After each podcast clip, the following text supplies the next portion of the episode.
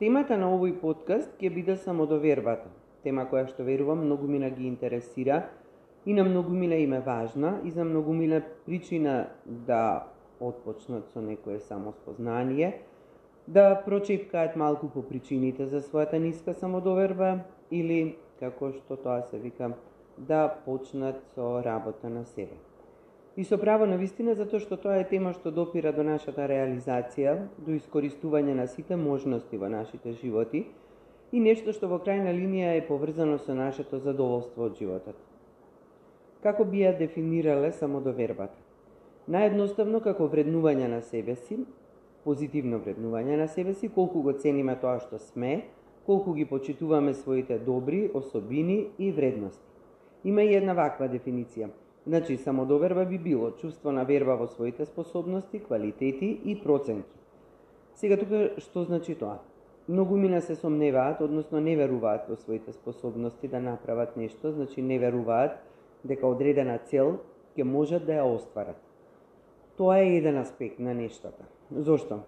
Затоа што сепак остварувањето зависи и од целта. Па тука е важно прашањето дали верувам дека одредена цел можам да ја остварам веднаш, или доколку за таа цел ги немам се уште развиено сите вештини, верувам во себе дека можам да ги развијам потребните вештини и подоцна да ја остварам.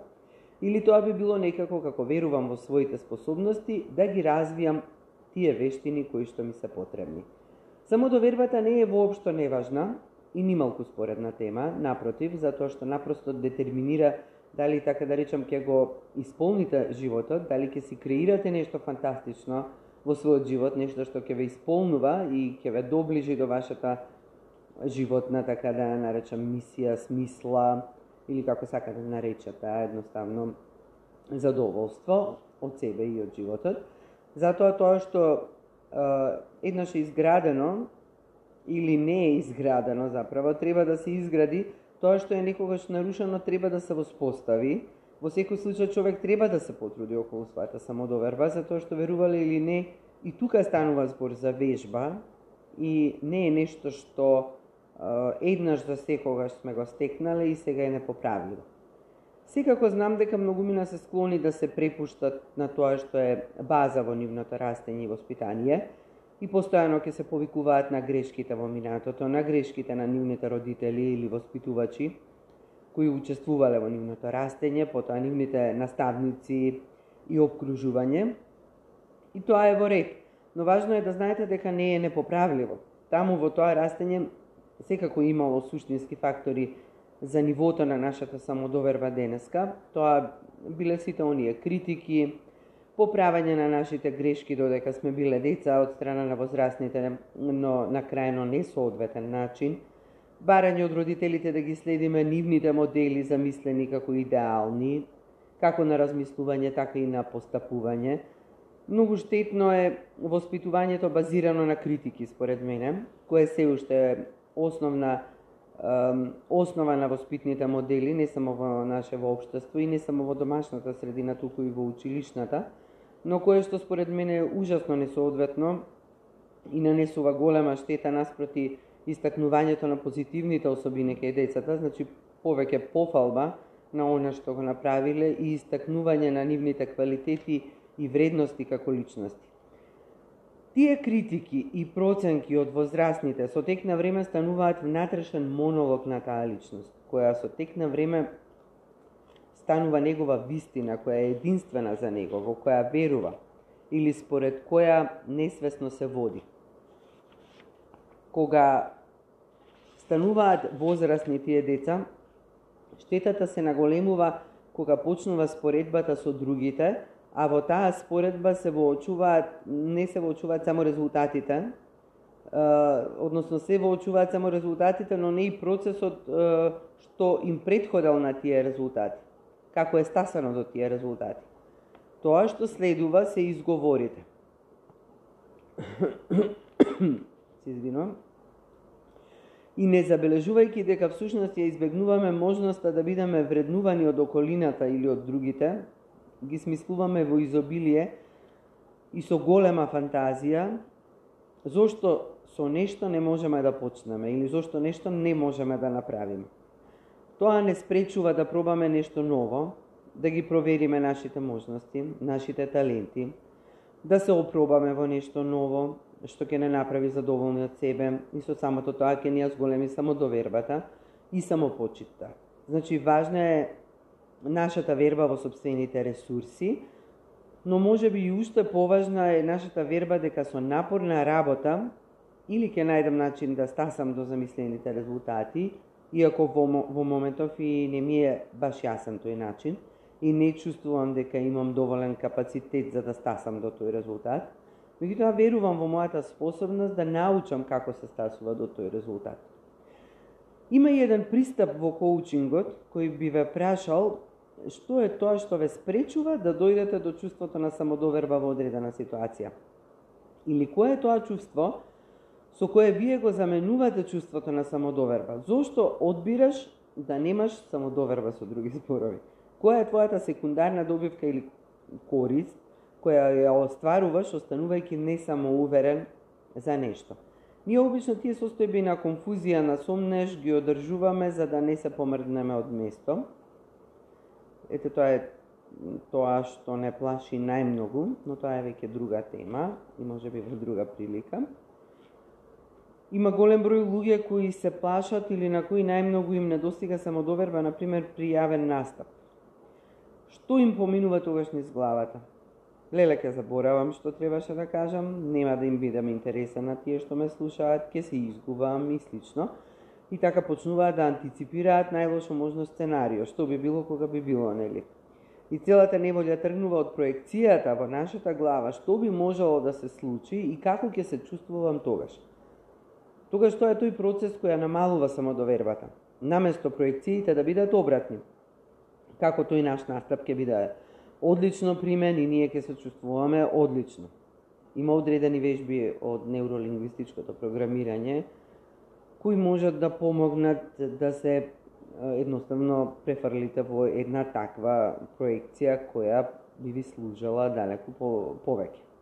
Е сега посебно интересна тема што се однесува до самодовербата е лажната самодоверба, изглумена преку заземање арогантен став, а не базирана на нешто што извира од нас самите, тоа секако не е тоа што треба да го постигнеме, зашто доаѓа токму од несигурноста во таа личност, Во тие личности кои својата несигурност ја препокриваат со маска на ароганција, може јасно да се почувствува таа потреба од потврда и таа желба до степен на необходност да добијат потврда однадвор. Повторно ќе подсетам, вистинската самодоверба потекнува од нашите мисли за себе, од тоа како чувствуваме и мислиме за себе, за собствената вредност. Значи, ти си способен затоа што си вредно човечко суштество, и секој има секако одредена вредност. Од тука, тој што верува за себе дека е вреден, секако лесно ќе ја види и вредноста во другите. Нема да се споредува, за да може да ја види собствената вредност, омаловажувајќи ја туѓата, туку ќе биде потполно свесен за тоа дека секој човек на планетава има вредност. Би се рекло, исклучително се штетни во нашето обкружување и не би се ограничувала да кажам дека е необходно да се оддалечите од таквите личности кои својата вредност ја спознаваат на овој начин, подценувајќи ја туѓата и обезвреднувајќи го тоа што другиот или другите го направиле. Секоја своја постапка, секој свој потек, тие го споредуваат со тој до себе и проценуваат дека направиле обично по, секогаш подобро, во својот светоглед се секогаш подобри, повешти и поспособни во однос на другиот, чии резултати ги обезвреднуваат. Веруваат дека другите грешат, дека другите не направиле нешто, ејте тие можат, и, и тоа што другите не можат, или дека можат на така добар начин, или дека другите не можат на така добар начин како што тие можат. На тој начин единствено тие ја потврдуваат својата вредност и си ја зголемуваат својата самодоверба. Тоа никогаш не е вистинска самодоверба. Би се рекло е само длабока несигурност и резултат дури може би и на некој вид нарцизам, што секако е, е пореметување на личноста, но и тоа е сосема друга тема и ќе оставиме денеска. Да се вратиме на само довербата.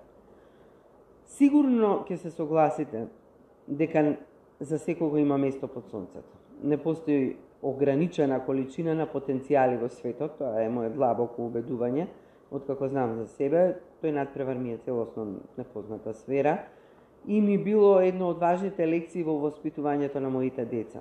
Да бидат подобри од себе, да се трудат да бидат подобри од себе секој ден, но никогаш да не се споредуваат со а, својата околина, со никого од својата околина. Колку повеќе имаме самодоверба, толку помалку ќе се обидуваме да ја подцениме, обезвредниме, да подцениме, повредиме, обезвредниме, саботираме некого, бидејќи тогаш не зависиме од нечи неуспех за да се чувствуваме подобро или подобри. Значи, секој има вредност, би повторила. Никому не треба потврда за таа вредност или вистинската самодоверба не очекува потврда од надвор. Таа исто така не ослободува од ароганција и споредби. Единственото нешто што не држи назад е уверувањето, нашето верување за тоа што сме способни ние самите да направиме и нашиот сомнеж дека нешто можеме. Како пак Како пак сега тоа да се постигне? Преку запознавање на себе си, најпрвин спознание, каде се наоѓаме на скалата од 1 до 10 или од 1 до 100, како и да мерите, но тоа рангирање, одредување на нашата самодоверба, како се чувствувам во врска со тоа, дава солиден и многу вреден увид за тоа каде се наоѓам во овој момент. Колку имам самодоверба во овој момент и каде сакам да стигнам, до кој степен сакам и ми е потребно да ја зголемам. Колку повеќе знаеш за себе, знаеш што се случува во твојот ум, а со самото тоа и согледуваш како твоите мисли ги креираат резултатите на крајот во твојот живот. Коучингот има алатки кои помагаат во оваа фаза, фазата на оценка, на увиди во состојбата, но и во сферата на подобрување на таа состојба во ваша корист, во насока на подобрување на самодовербата и резултатите како последица на тоа како ги детектираш мислите, вашите досегашни уверенија, тие што се негативни мора да ги промените во такви кои секако ќе ви служат повеќе. Тоа и самата го научив од коучингот, тоа ви го пренесувам и вам, бидејќи да веруваш дека можеш и да веруваш дека не можеш, може да биде подеднакво точно, па сега одбери што сакаш, која од овие две можности ја бираш за себе и која повеќе ти служи. Има и нешто друго овде многу важно е, а поврзано со состојбата на самодоверба е и како таа се гради или губи, а тоа е стравот од напуштање. Силна самодоверба е поврзана и со подготвеноста да се ризикува напуштање. Овој страф е базичен, но и подлабоко сместен во несвесното. Треба да се стане свесен за неговото постоење и за неговото влијание врз нашето однесување. Луѓето најчесто не си го признаваат, но Тој страф е нешто што ја разнишува самодовербата. Поради страфот од бивање или напуштање ги прилагодуваме нашите ставови, често понекогаш е, не е важно, често поради стравот од одбивање или од напуштање ги прилагодуваме нашите ставови, често понекогаш не е важно, но тоа влијае секако на нашата самодоверба. Но исто така треба да се знае и дека тие што се изразуваат постојано негативно, со критика, со постојано одбивање кон тоа што го правиме, се токму тие луѓе на кои им недостига самодоверба, кои тоа го прават од позиција на споредување и се соочуваат со големи стравови. Тоа е нешто што треба да се препознае, да се има на ум позадината за која зборувавме и да стане нешто, нешто што ќе ве поколеба да направите нешто, туку нешто што ќе ве обезбеди со уште поголема сила да верувате во себе. И тоа е нешто околу што треба да си донесете одлука. И со тоа преминувате и на ново ниво на самоекспресија. Од тука ќе извира нова самодоверба, од верувањето дека е во ваша моќ остварувањето на вашите желби, идеи и замисли, без оглед дали тоа ќе биде проследено со грешки, падови, неуспеси или стравови. Стравот и самодовербата некогаш ќе се измешаат во храброст и тоа ќе стане нешто што секогаш ќе не придвижува напред. Да се направи нешто наспроти стравот и тогаш кога тој е присутен. Накусо речено прифати дека се плашиш, но прави и покрај тоа. Одржувај љубопитноста како најважен дар и посвети се на тоа да генерираш од сето тоа заедно мисли и уверенија за поголема самодоверба. Но и тоа дека не ти е потребна дозвола или потврда или докази за тоа дека вредиш, дури ако ги очекуваш тие докази од собствените реализирани дела, дури и, и тоа е неважно, за да се чувствуваш самоуверен, е, обратно е, моето чувство за моите вредности – мојата верба во себе ќе генерира дела, акции и резултати.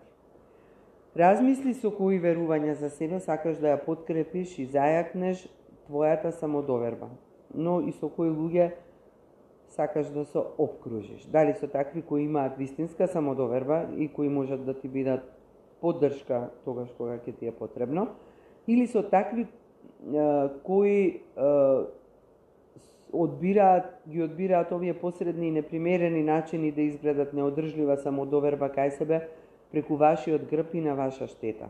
Подобро вие секако да ги одберете овие првиве и секако тоа што мислите вие за себе, на крајот ќе мислат, ќе мислат и другите за вас. Тоа беше еве денешниот подкаст. Се надевам дека ви отвори некои прашања и ви понуди некои одговори а вие очекувајте ги наредните подкасти и следете ги и другите активности и настани на Креатор Коучинг Центар. Поздрав за денеска!